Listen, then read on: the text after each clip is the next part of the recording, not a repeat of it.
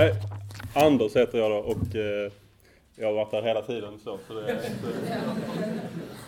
det behöver kanske inte presentera mig mer. Eller jo, alltså jag är ju ungdomssekreterare och bor i, i ELU och bor i Malmö och jobbar i Malmö-Lund.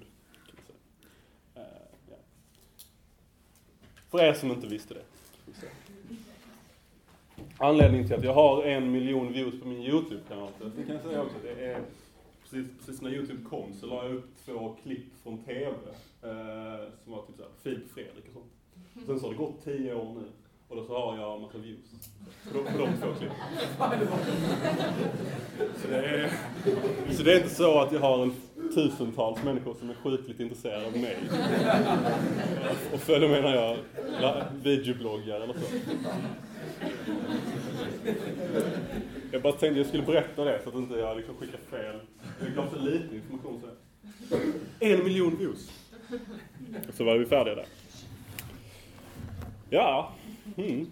Idag så ska vi... Eh, vi ska prata lite om olika grejer, men det, men det kommer handla om eh, ett så svårt ord som eh, urskiljning. Är det någon som vet vad det betyder? Av alla oss kloka 50 pers här inne, är det någon som kan säga mig urskiljning betyder? Nej. Det, det handlar om att kunna avgöra.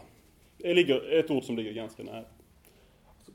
Ordet är urskiljning, det vill skilja ur, dela upp, analysera, se klart så.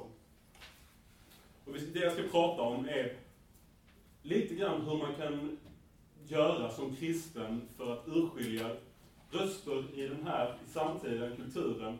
Vad ska vi eh, tänka om dem och hur, hur ska vi eh, förhålla oss till dem? Så? Och det kan man prata i veckor om, verkligen. Eh, så. Och ha olika ingångar. Men jag ska prata lite om avgudar, hade jag tänkt att skulle vara min ingång i det här ämnet. Sen så på andra passet så ska jag snacka lite om kristen undervisning. Urskiljning i det. Hur avgör jag vad som är bra kristen undervisning? Vad som är dålig kristen? Det finns faktiskt sådana också. Så det, det är ämnet för mina två pass. Sen så ska Jakob prata det tredje. Men vi kan börja med en eh, bön till Herren. Tack Jesus för eh, den här morgonen. Tack för att vi får återigen samlas här med, eh, inför dig och med ditt ord i centrum. Jag ber att du ska eh, vägleda mig i det jag ska säga och att du ska vara här med din heliga Ande. Gör oss vakna och pigga och eh, mottagliga för dig. Amen. Vi kan börja med att slå upp Johannes evangeliets tionde kapitel.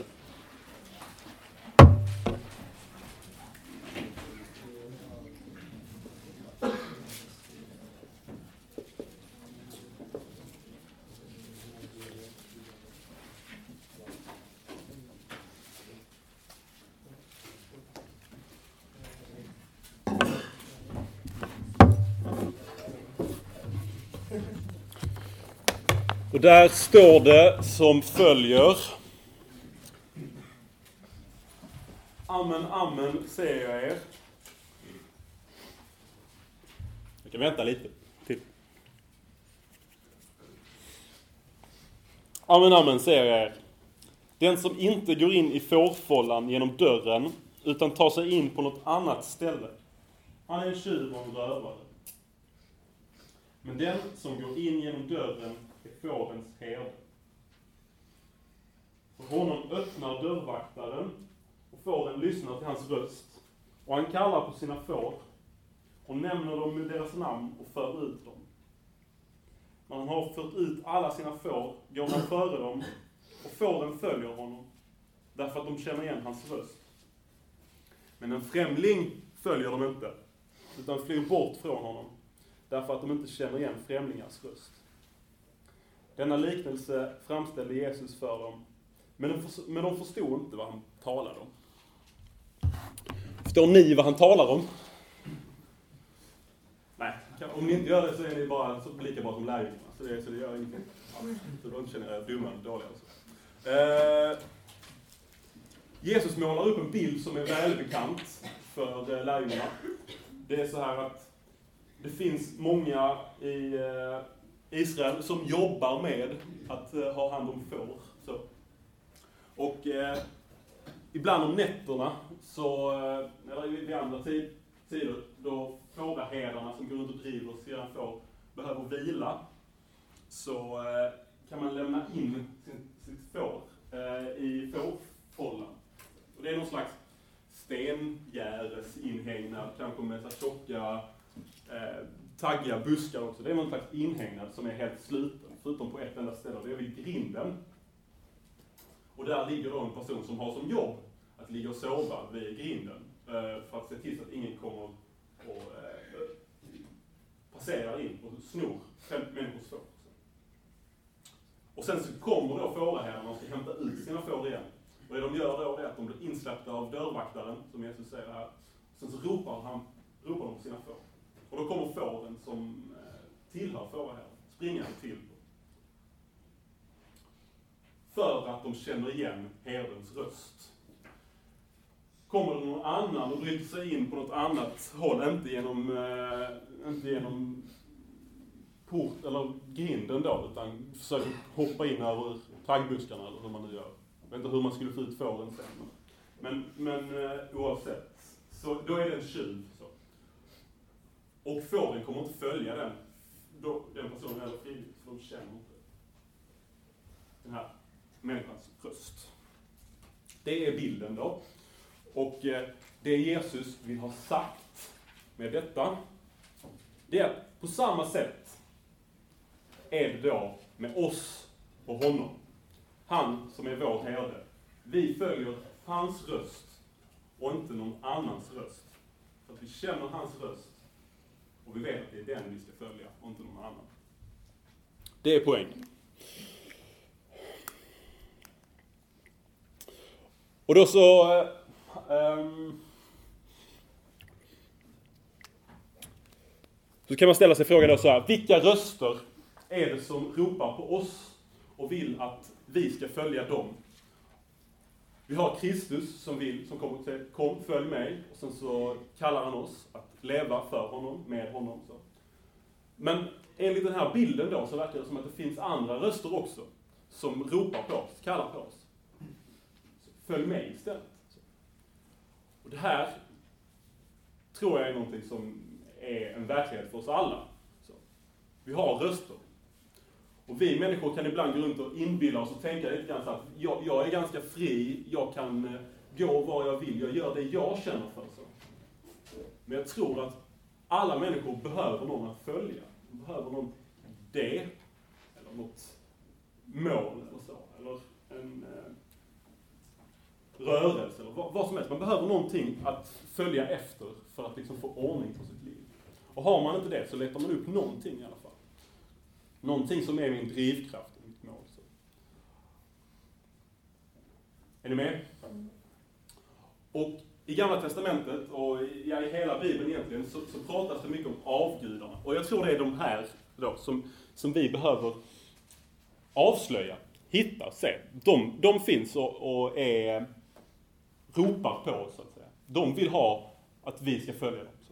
De är de här tjuvarna i den här liknelsen. Om vi kan tänka oss det, helt enkelt. I... Eh, vi kan slå upp Romarbrevets första kapitel.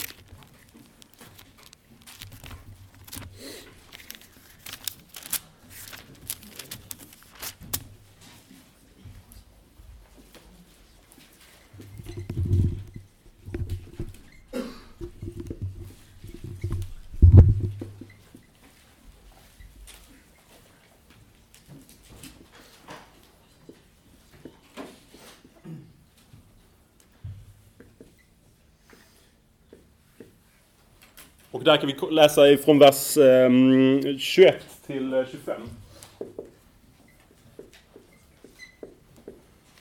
Och där står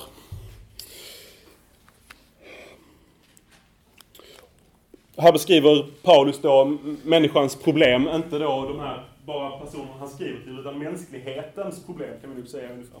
Ett väldigt så utzoomat perspektiv så berättar Paulus, vad är, vad är problemet med människan? Han säger så här, fast den människan då kände till Gud, prisade de honom inte som Gud eller tackade honom, utan förblindades av sina falska föreställningar, så att mörkret sänkte sig över deras oförståndiga hjärtan. De påstod att de var visa, men de blev dårar. De bytte ut den odödliga Gudens härlighet mot bilder av dödliga människor, av fåglar, fyrfotadjur och kräldjur.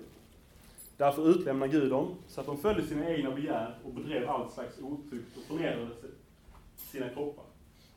De bytte ut Guds sanning mot lögnen och tog sig för att dyrka och tjäna det skapade istället för skaparen.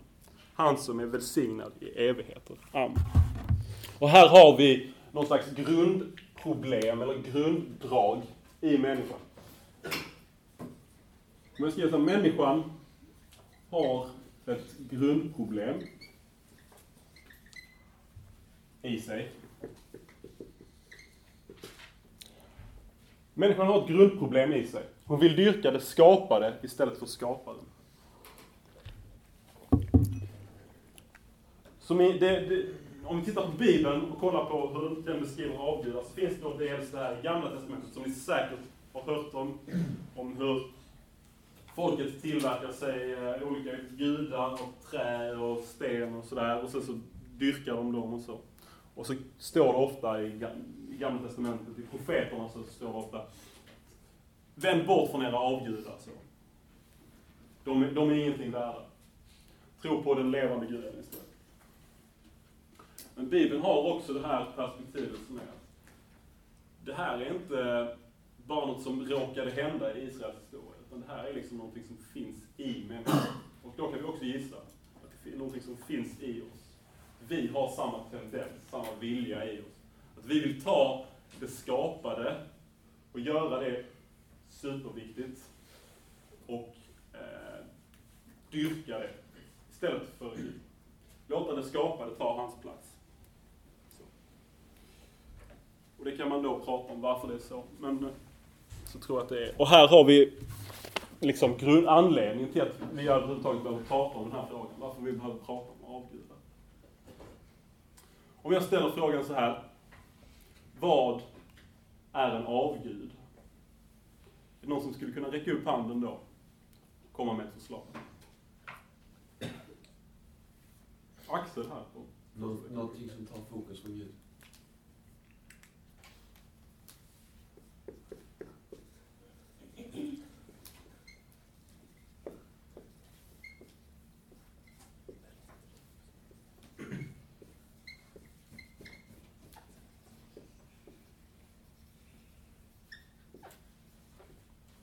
Andra förslag?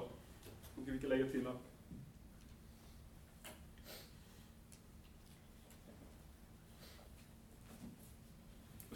Ja. Något man sätter över Gud.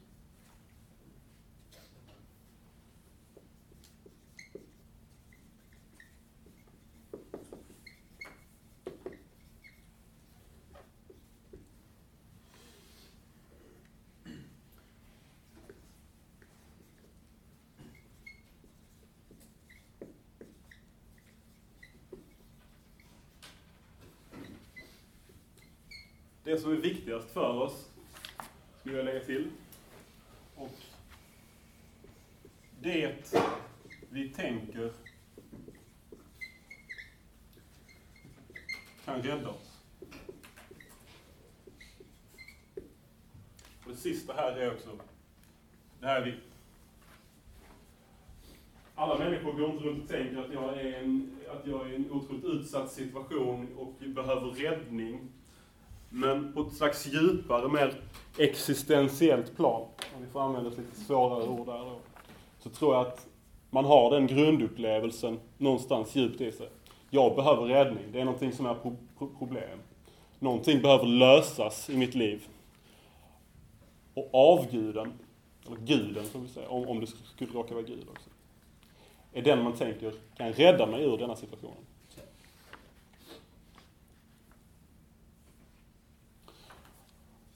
Och eh, Tiden går här. Men vi, släng, vi kastar upp ett bibelställe till här. Så ska vi börja skynda oss. Hesekiel 36. Gamla testamentet.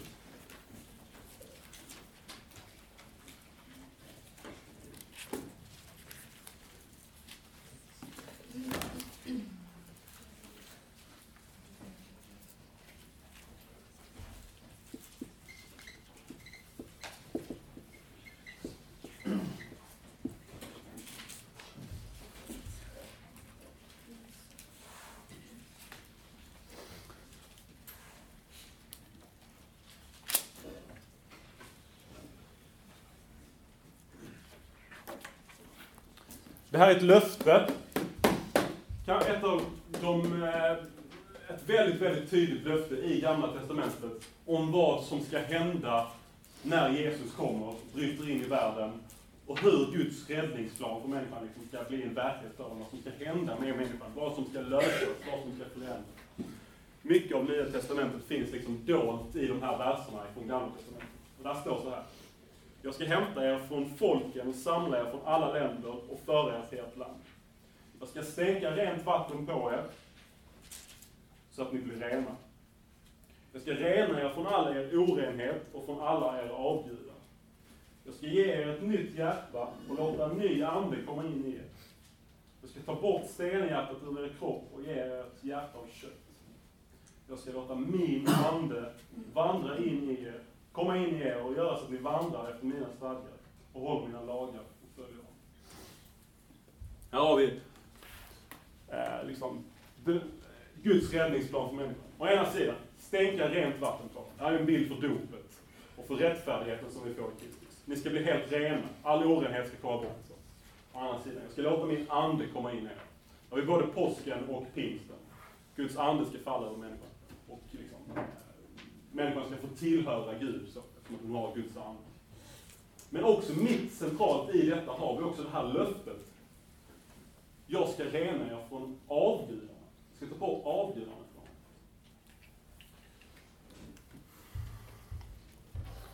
Så liksom en centre, central del av det kristna evangeliet, av det Gud som, av det, av det som Gud vill göra för oss, och det han vill befria oss från och till, hans räddningsplan, det är att befria oss från avgudarna.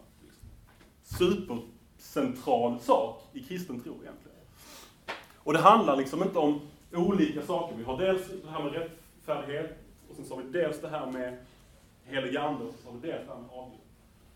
Gud vill liksom vända hela vårt hjärta eh, rätt. Så. Han vill ge oss rätt fokus. Hans ande ska få komma in i oss, så att vi tillber honom och ingen annan. Och eh, när vi pratar om sådana här saker, om avgudar och sånt, så kan det lätt bli att man tänker så här, Gud, Gud vill väldigt, väldigt gärna att jag ska ha honom högst i mitt liv, det har vi hört. Jag ska älska honom av hela mitt hjärta, av hela mitt förstånd och så. Och eh, det är väldigt viktigt för Gud, tänker vi så. Så därför ska jag göra Gud lite nöjd med mig och därför ska jag älska honom eh, högst, sätta honom först i mitt liv. Ehm, men jag tror inte det är så vi ska tänka, att det här är väldigt viktigt för Gud. Utan jag tror att det här är någonting, vi ska tänka, vända på det och tänka så här istället. Det här är någonting Gud vill göra för oss. Det här är någonting som är viktigt för oss. Det finns en befrielse i detta, att bli av med avgudarna. Och avgudarna är i grund och botten lögner. De ger och tar. Vi kan, vi kan investera hur mycket som helst i eh, att eh, tänka att vi, mitt liv ska räddas om jag får så här och så här mycket pengar till exempel. Och eh, så skaffar man en massa pengar och så tänker man att nu, nu så är jag trygg och nu så mår jag bra. Men i förlängningen så leder det till att jag bara får en större drivkraft att, och en större längtan efter att få mer pengar.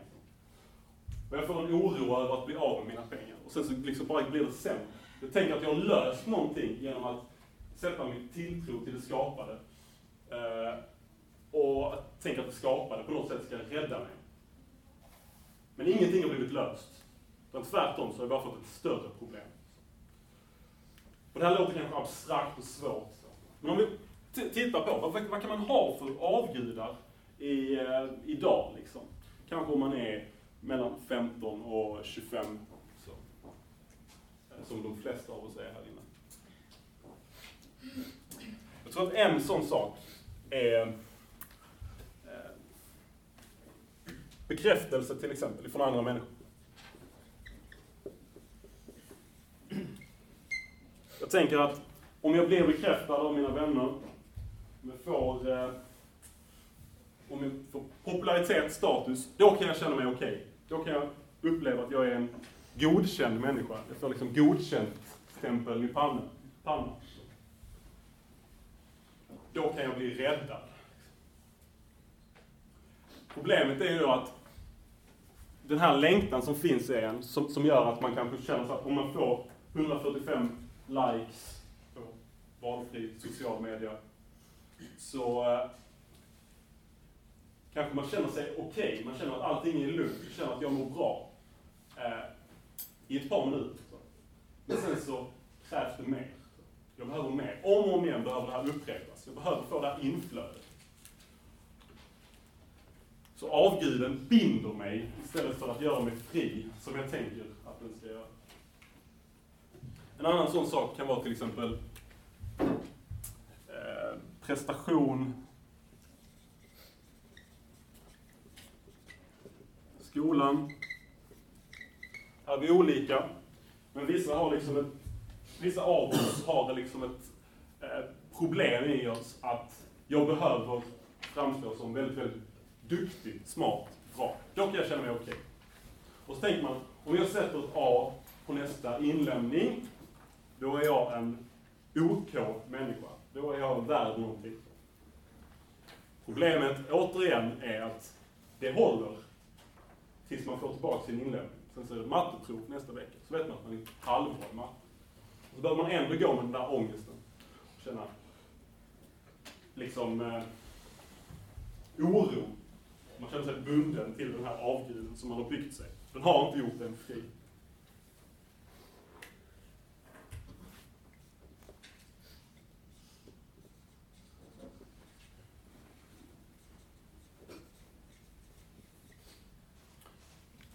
Om jag får eh, den perfekta relationen, om vi får världens snyggaste pojkvän, världens snyggaste flickvän, som också inte bara är snygg utan är supersmart och trevlig och rolig. Så. Då kommer allting lösa sig. Då kommer alla andra se. Då kommer jag få känna att jag är värd någonting. Jag är älskad. Jag menar då att det enda sättet att lösa den här längtan, det här behovet av räddning som vi har inom oss, lyfta blicken ifrån det skapade till skaparen. Han vill befria oss från oron, bundenheten, ångesten. Det kommer komma röster som säger till oss Följ mig, gör detta, investera i mig, satsa på detta, så kommer du känna dig eh, som en okej okay människa. Du blir räddad om du följer mig, så. Men om vi känner Jesu röst, om vi går tillbaka till ursprungsbilden ifrån Johannes 10, så följer vi honom istället. Och vi lär oss liksom att urskilja vad som är gott och ont, vad som är viktigt och vad som är oviktigt, vad som är sant och vad som är falskt. Och tanken är också så här, tror jag, att vi kan få bli befriade från avgudarna. Inte så att vi slutar liksom bry oss om sådana saker som eh, vänskap med andra och slutar bry oss om hur, det, hur vi sköter oss i skolan eller kärleksrelationer.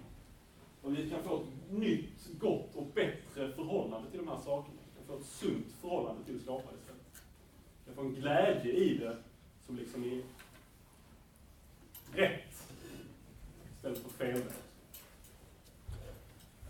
Vi har någon minut till, så vi tänkte att vi skulle måla upp någonting här på tavlan kring detta.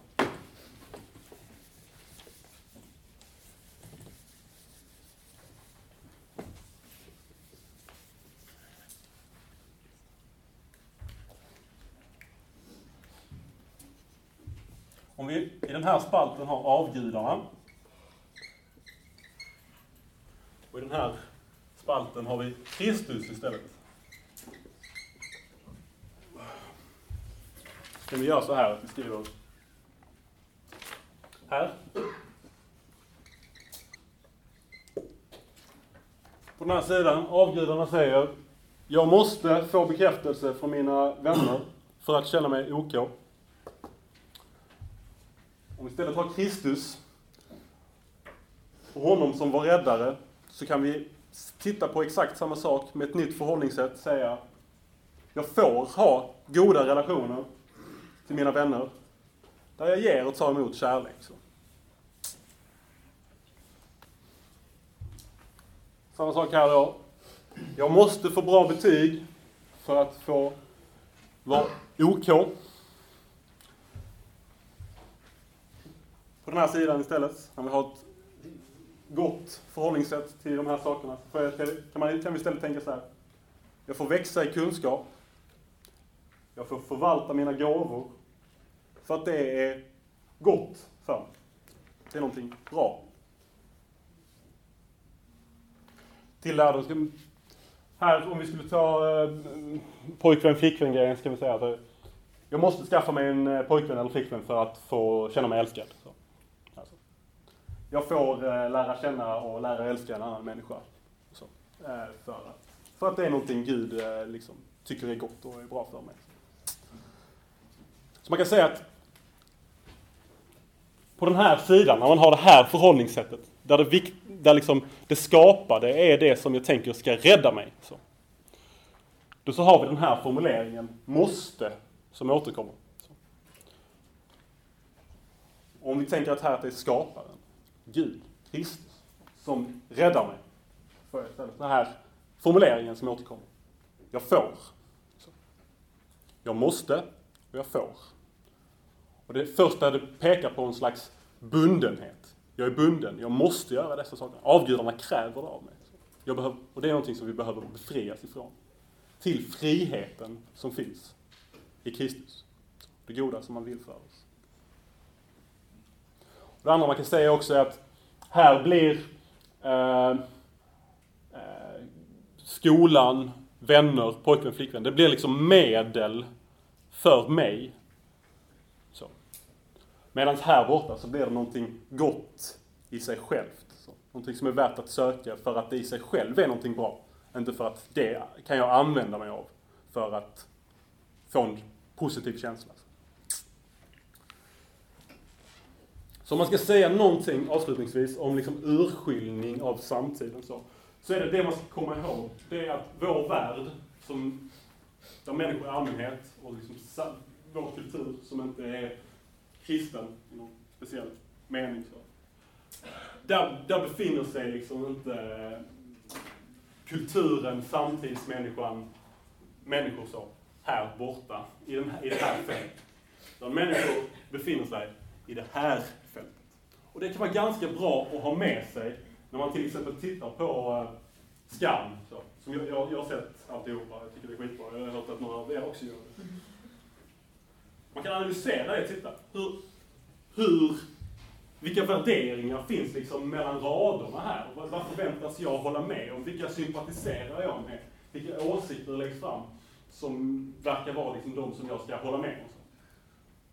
Och är de här ute? Nej, det är de inte i regel. Utan de är här. Så, så det är liksom ett redskap.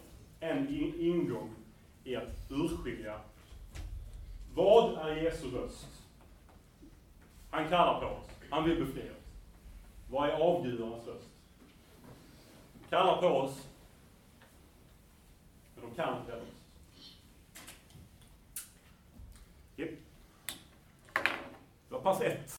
Vi fortsätter på, eh, på temat urskiljning. Vänta bara på att alla kommer in va.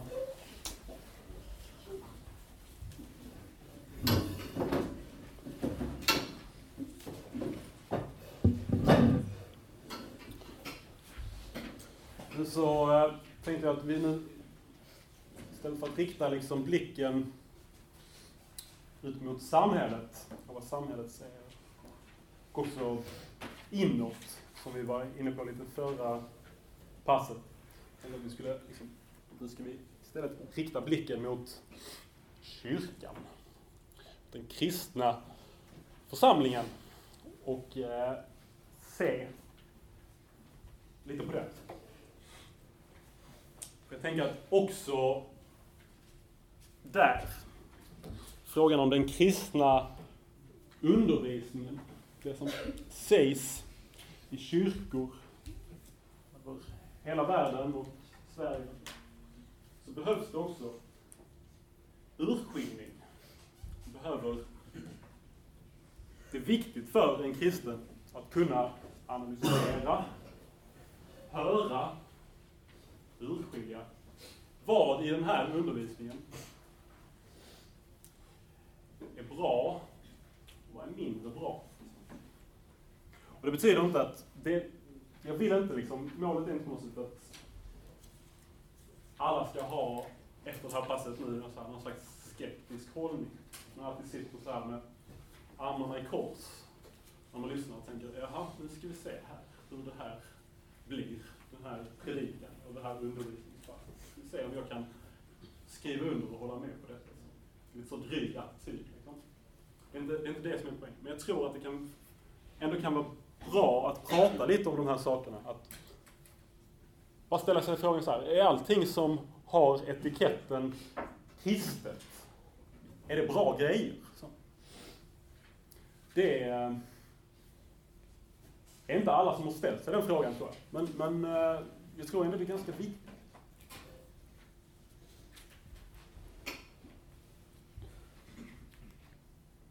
För att inte så långt tag sedan så såg jag eh, ett klipp med en eh, TV-evangelist, som det så bra heter, på, eh, ifrån eh, USA. Som har sån här dygnet runt-sändningar på någon betalkanal eh, i USA.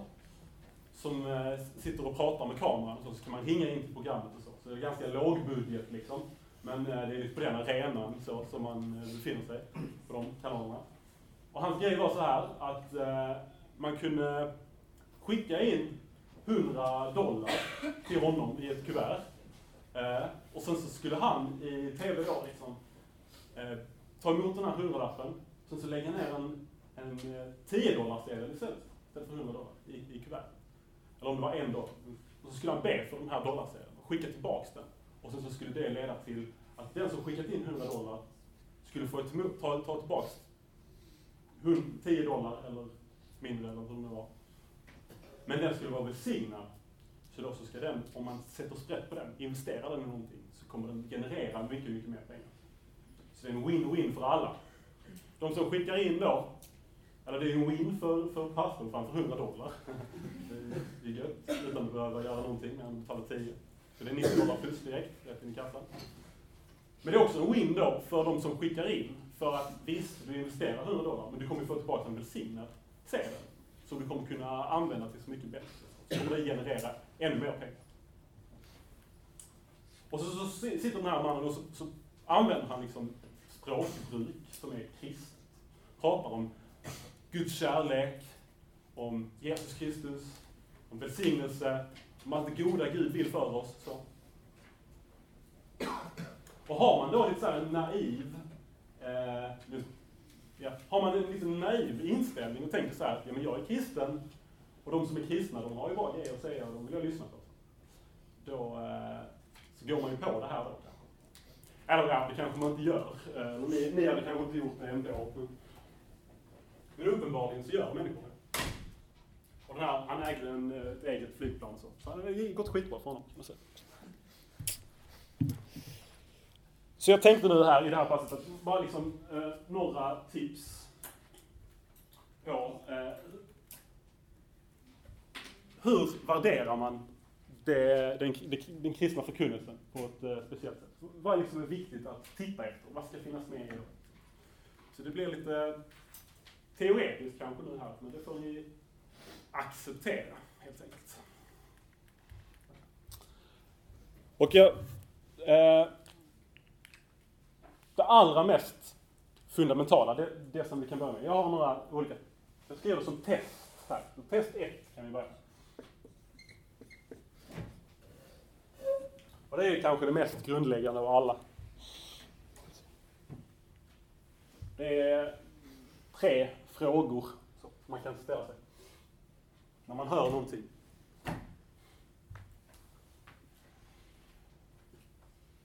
Eh, I den här läran då man får höra, i den här undervisningen, så, så är frågan, är Gud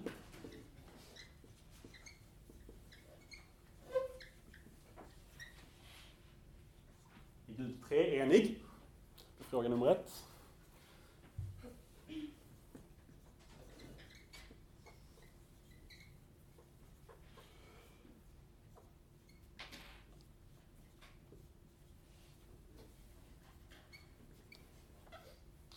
Är Kristus sann Gud och sann människa?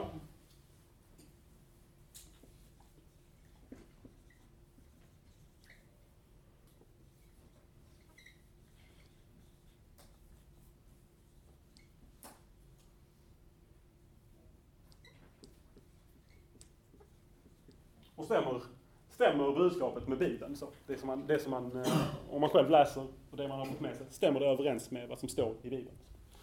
Och eh, det här är någon slags, det, det, det, någon slags minimikrav man kan ha på de här sakerna för att kunna eh, tänka sig att det här ska vara en kyrka som jag engagerar mig i, som jag, som jag har förtroende för. Men eh,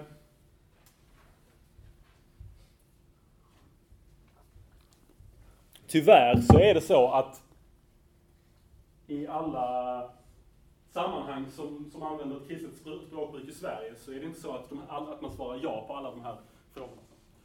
Det finns eh, semikristna grupper som, eh, som inte beskriver Gud som treenig och som inte säger att Jesus är sann Gud och sann människa.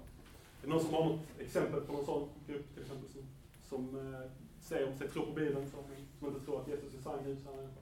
Någon som läste kanske i religionen i skolan? Och så? Hepp, hepp, hepp. Men. Jehovas vittnen är till exempel en sån. Eh, eller hur? Och eh, en annan, mormonkyrkan, likadant. Tror, där säger man inte ja till de här sakerna och därför kan man inte betecknas som, som kristen. Och tyvärr så får vi väl också säga att på den här frågan så är det heller inte helt självklart i alla svenskkyrkliga församlingar i hela Sverige att man eh, säger, svarar ja på den frågan. Det är liksom den dystra, krassa verkligheten.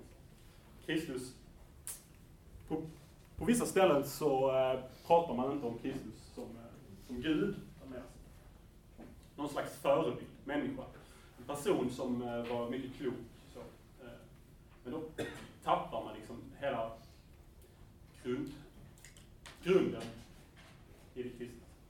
Evangeliet faller ju såklart direkt om man inte tror Kristus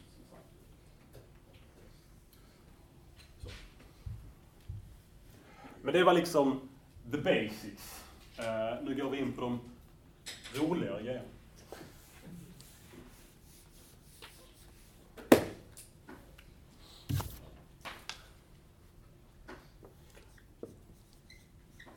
För oftast så är det inte så enkelt så att man kan ställa tre frågor och sen så, eh, så, så svarar man, och sen så om man får tre ja på det så, så är det lugnt. Liksom. Och då, då så behöver man inte tänka på det här med urskiljning mer. Vi behöver aldrig mer prata om.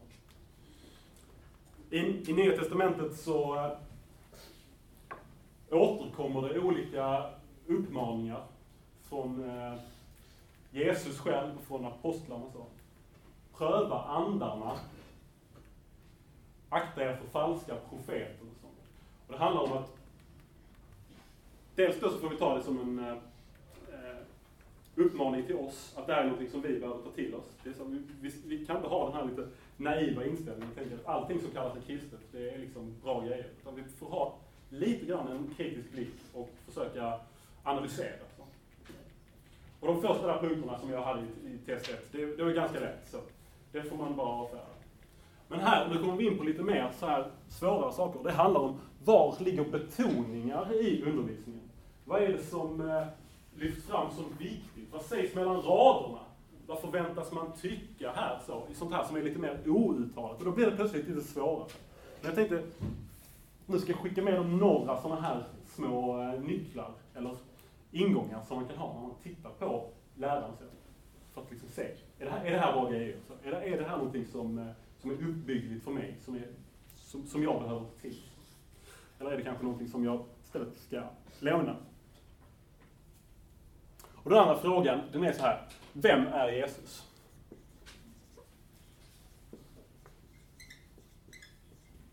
Och då menar jag inte om han är sann Gud och sann människa i den här liksom, inte mer så. Utan då menar jag med, hur pratar man om Jesus? Det, det här är ganska viktigt.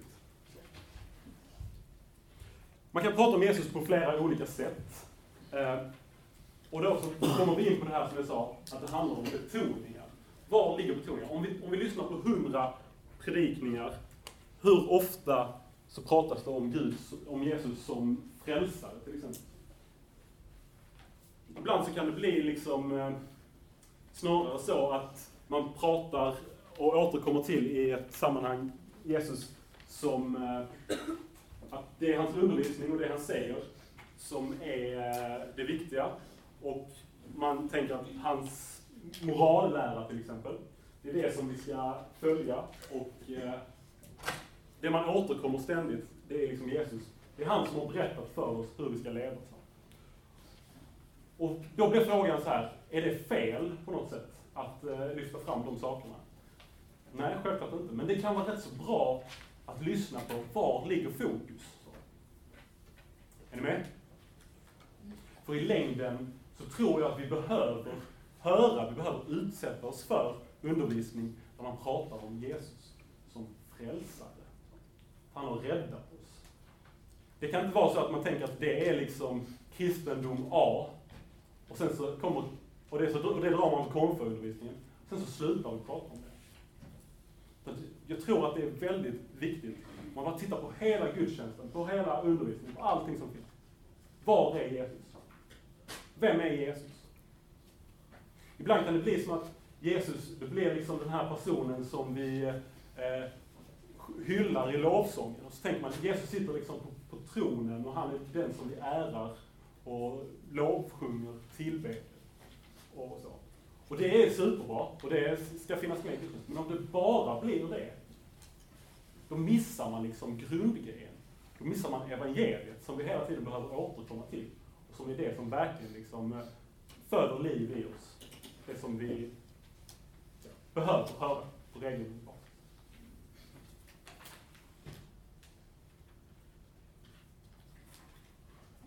Alltså, det finns en eh, formulering som är så här att, som är ungefär eh, det man tror, nej, så som man eh, tror så ber man. Så, så, så brukar man säga. Som man tror så ber man. Och det betyder ungefär så, det, det betyder så här att det räcker liksom inte bara med att analysera exakt vad som sägs utifrån en predikstol. Utan man kan också titta liksom på hela sammanhanget. Hur ber man? Om man hela tiden ber till Jesus på ett visst sätt, då säger det någonting om vad man tror om honom, vad man har för relation till Jesus. Och motsatsen gäller såklart också, att om man tänker och talar om Jesus på ett visst sätt, så börjar man också be till honom på ett visst sätt. Så ibland kan liksom läraren liksom sitta i väggarna nästan i ett sammanhang. Det är, sådana, det är lite svårare grejer det här. Men det är sånt som liksom ligger bakom undervisningen. Och inte bara bakom undervisningen, utan hur man ber. Hur man håller ett kollekttal och så. Och då får, kan en sån fråga liksom, när man börjar analysera på ett lite djupare sätt, vad som finns bakom här. Då är frågan, vem är Jesus i den här församlingen? En väldigt viktig fråga att ställa sig. Tänker vi Jesus som han som hänger på korset och dör för våra synder. Är det, där, är det den Jesus som vi återkommer till? Eller är det Jesus på tronen, Jesus morallära? Allting behöver finnas med. Men var är fokus? Tappar man någonting? Finns det någonting som, är det någonting som finns med mindre än någonting annat?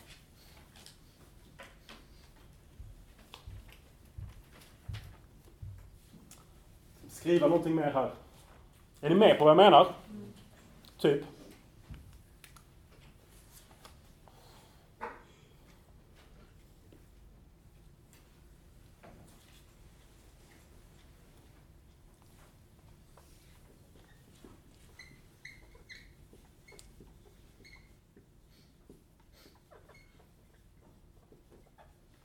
Så kan vi säga också.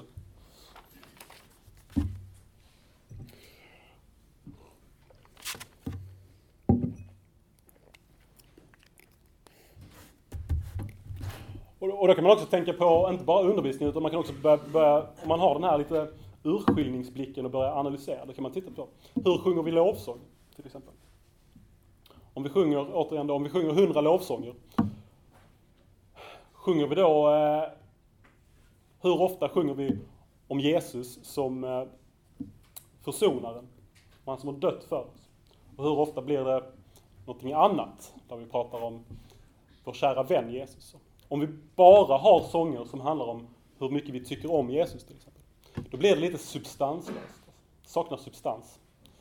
Man behöver återkomma till det centrala kristna budskapet, och det är korset.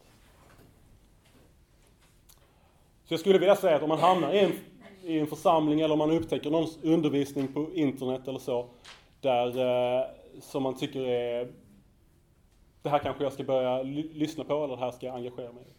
Så är det här en bra fråga att återkomma till. Är fokus på korset eller inte? Så pratar man kanske aldrig någonsin om korset, då så eh, fattas en otroligt central pusselbit. Nu så, är ni med? Nu så eh, ska jag skriva någonting som eh, låter lite avancerat här. Här kommer vi till en annan fråga som jag kan ställa. Är det balans i trons artiklar? Och det här eh, ska jag förklara vad det betyder. Eh, ni vet eh, trosbekännelsen som vi ber.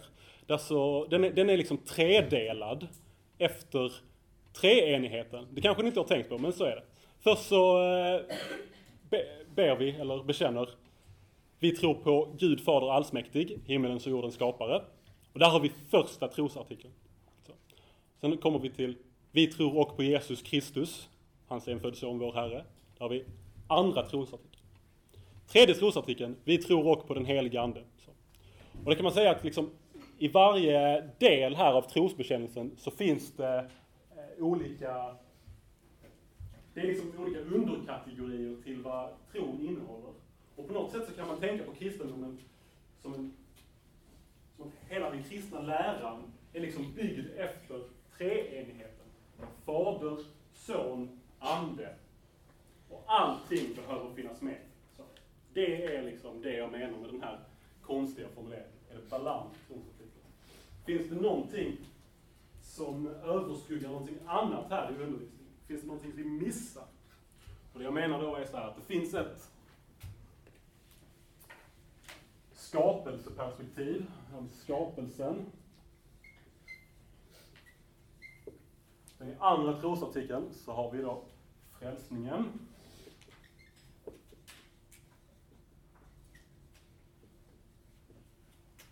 Tredje trosartikeln med den heliga Ande. Ja, då, då har vi det, det nya livet i Anden kan vi väl skriva.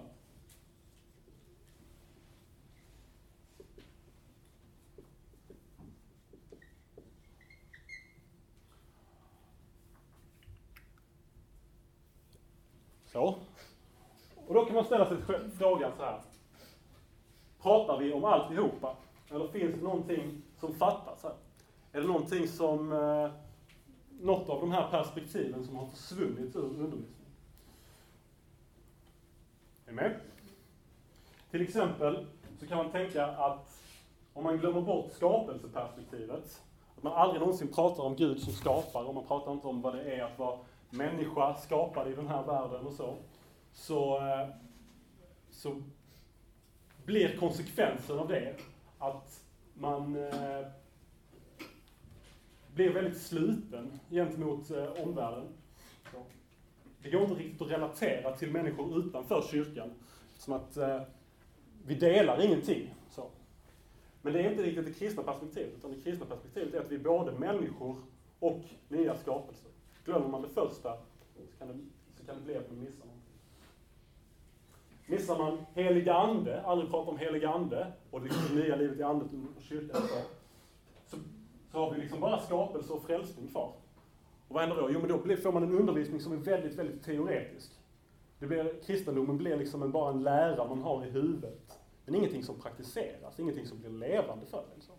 Så. Det är någonting som eh, hände för jättelänge sedan, Gud skapade världen. Och sen så hände någonting för 2000 år sedan. Jesus frälste oss. Och sen så sitter vi och pratar om det så, och sen så, eh, så är det inget mer med det. Man behöver hela alltihopa. Hela perspektivet. Det är som har frälsningsperspektivet.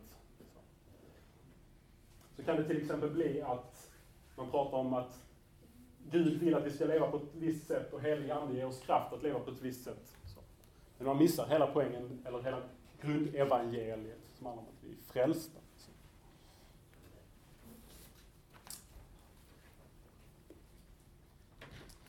Är ni med? Så alltihopa behövs. Det är lite svåra grejer, men eh, som sagt. Ibland får det vara svårt. Då behöver man inte sörja. En sån sak, om vi ska ta några exempel, till exempel, som kan vara, om man till exempel pratar om, eh, eh, om man tappar skapelseperspektivet till exempel, så kan det vara till exempel att man pratar så här om eh, att Gud ger oss kraft. Om jag är uppe och är, jag sover inte på hela natten och sen så går jag till gudstjänst och sen så tänker jag att om jag bara ber så kommer Gud nog ge mig kraft att orka igenom den här eh, gudstjänsten. Men då har man missat liksom skapelseperspektivet, att det finns en ordning i den här skapelsen, att vi människor, att vi behöver sova. Och att man kommer nog inte kunna lyssna på en gudstjänst om man är uppe hela natten. Någon som känner sig träffad, förresten. Parentes. En annan sån sak kan vara att om man liksom aldrig pratar om pengar som någonting som man arbetar ihop, någonting man samlar ihop, utan bara pratar om det, det är någonting som faller ner från himlen liksom. Då missar man också skapelseperspektivet. Det finns en ordning, det finns liksom så det finns ett förvaltarskap, vi ska arbeta, pengar är värt någonting eftersom att eh, det representerar någonting annat. Så det finns liksom en skapelseordning. Och ibland så kan man höra folk prata på det sättet, vi, om pengar till exempel. Ja men Gud förser med pengar. Ja men pengar måste komma någonstans ifrån, för det är faktiskt så Gud har skapat världen. Så det funkar inte riktigt att, det funkar inte att eh, man bara, ja men nu går vi i tro så därför så eh, köper vi den här skitdyra lokalen mitt inne i Stockholm eller någonting. Och sen så ska Gud nog förse med pengar. Man kan också bara säga, ja men den här hyran är ju lite väl hög. Alltså ni kommer, ni kommer gå i konkurs om en månad. Alltså. Man har missat skapelsen. Man kan också vara så att man pratar jättemycket om andliga gåvor, men man missar helt de naturliga gåvorna. Så vi bara, bara massa om tungtal, aldrig någonting om att eh, eh rita och måla. Naturliga gåvor, andliga gåvor. Och så vidare och så vidare. Och så vidare. Och kanske en överhängande risk, som också hänger ihop lite med tvåan här, det är ju att man missar det här perspektivet och börjar tänka att, att man missar liksom den andra trosartikeln med frälsningen och så börjar man tänka att frälsningen är nog att helig ande faller över mig och sen så får jag en kraft att eh, leva exakt så som Gud vill. Så. Och så har man liksom ett nytt evangelium där man tappat bort det. Och eh, här finns det olika kyrkor som är liksom olika bra på olika saker så. Vi har mycket att lära av varandra, olika kyrkor. Och vi behöver alltihopa. Men det behöver vara balans och ingenting behöver fattas. Ingenting får fattas. Test 4. Gör undervisningen Gör undervisningen Gud större eller mindre, har jag skrivit här. Och det tror jag också är en eh, viktig sak att eh, tänka på. För det finns, det finns någonting som är lite, lite motsägelsefullt nästan, i att ibland så kan det finnas kristna grupper som pratar jättemycket om att Gud är så stor, så stor, så stor. Men paradoxalt nog så blir det så att det de undervisar är en väldigt liten Gud. Alltså. Och det jag menar med det är till exempel, om vi, om vi bryter ner det i några exempel, så kan vi ta till exempel lidande, där man kan ha ett sånt perspektiv, där man tänker Gud är så god och stor, så han vill eh, sätta stopp för lidandet i ditt liv. Han vill att du ska sluta, eh, vad det nu är, din sjukdom ska gå över, din eh, alla dina problem ska försvinna. Gud vill detta. Och Gud är god och kan göra någonting åt det, ta bort det.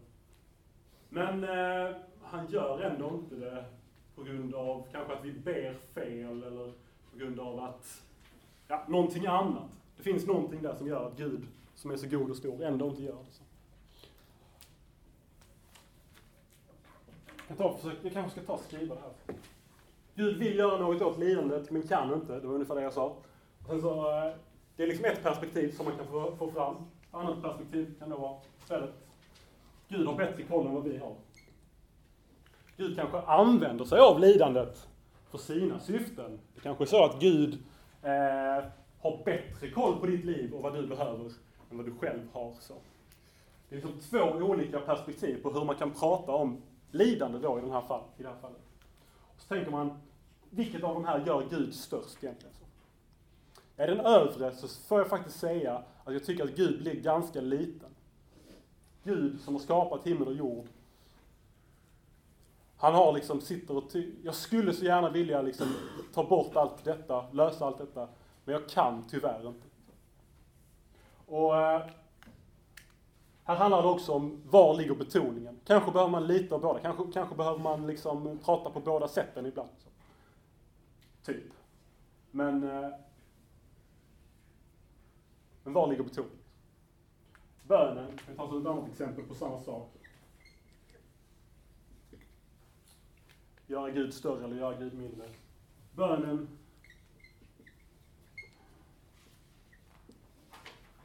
Eller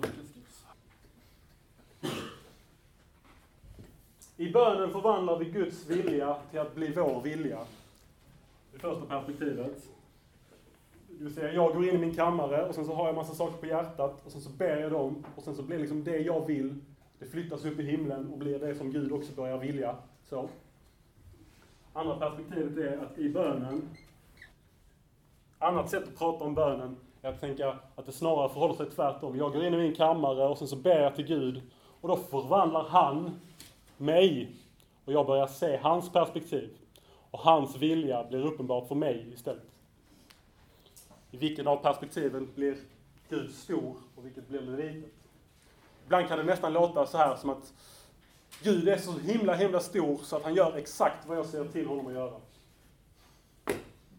Och det är ganska kass. Ett exempel till som jag tänkte på. Ja, men nu kan vi ha missionen här också. Vad är mission för någonting? Jo, mission är att vi är starka missionärer som hjälper Gud att samla fler människor till hans fanclub. Eller kanske snarare, vi är Vi är fattiga syndare som får stå med i Guds verk. Man pratar mission. Och som jag sa innan, så är det här inte eh, så att det finns några som säger så här, jo men att man, att man kanske inte formulerar exakt så här från predikstolen. Eller att man eh, säger, så här funkar bön. Det är att vi förvandlar Gud till att han ska börja tycka som vi tycker. Eller, eller så här, stackars lilla Gud, nu måste vi se till så att fler människor uppskattar honom i den här världen. Det är alldeles för få som gör det. Men var ligger betoningen? Vad sägs mellan raderna? Det är det jag vill komma åt. Vad är det man kommunicerar, kanske när man, kanske när man leder i förbön i ett sammanhang? Vad är, alltså, vad är det för bakomliggande teologi som ligger bakom allting som förekommer? Det är helt enkelt det vi, vi är ute efter i det här passet. Och det här är då ett sådant exempel. Gör vi Gud större eller gör vi honom mindre?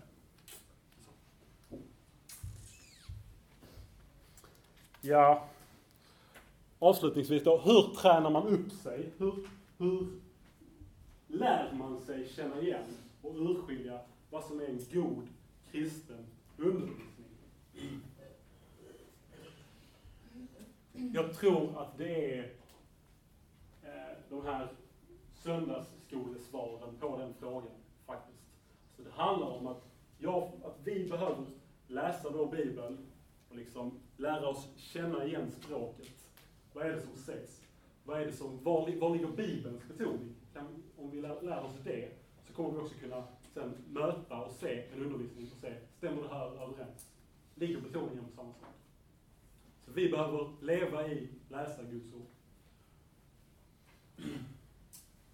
Och vi behöver gå till predikan och lyssna på den. Och där är det faktiskt så att ibland så kanske man kan tänka så här att hur många predikningar av alla predikningar, eller äh, hur många undervisningspass av alla undervisningspass kommer jag ihåg? Liksom. Eh, om jag tänker efter så kanske jag kan nu rak arm redogöra för, ja om jag skulle tänka efter lite så kanske jag skulle kunna komma på 15 stycken pass liksom. Där jag kan säga att det här, det här sades ungefär så. Eh, och det här var bra på grund av detta. Så. Högt räknat kanske, jag vet inte. Men jag tror ändå att om man lyssnar aktivt så lär man sig på något sätt känna igen vad som är god lära, vad som är dålig lära. Det sätter sig i en liksom. Så det är ändå någonting viktigt för en. Även om man inte kan liksom redogöra för varje undervisningspass. Det här sa du, så det här var de tre punkterna. Är ni med? Den tredje saken handlar också om, som jag, den egna bibelläsningen, undervisning och predikan i en församling. Tredje är, bön. Att pröva olika saker i bön. Då tror jag det handlar mycket om att be med ett öppet sinne, försöka lyssna in vad Gud lever i. Och gärna göra det i tystnad, kanske, under längre tid.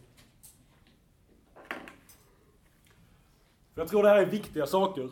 Och det finns också i kyrkan massa olika röster. Det dyker upp liksom röster som säger, här har vi liksom den sanna kristendomen, allt annat är halvkristendom. Så. Då, får man, då är det rätt bra att ha liksom någon slags grundförståelse att utgå ifrån. Så att man kan försöka pröva detta och se, ja men är det så? Helt enkelt. Mitt andra tips. Har du med? Ja.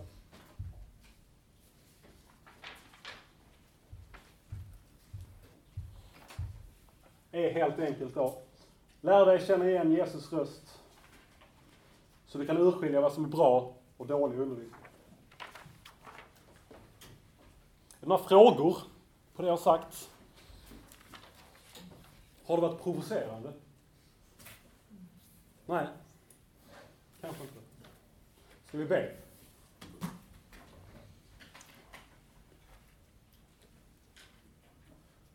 Tack Herre för att du är vår eh, herde, för att du ropar på oss, för att vi får följa dig.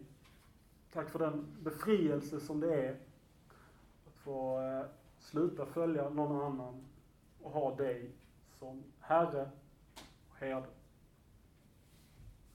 Jag ber att vi ska få växa i detta, att vi ska få eh, lära oss urskilja bättre vad som är din vilja. Jesu. Amen.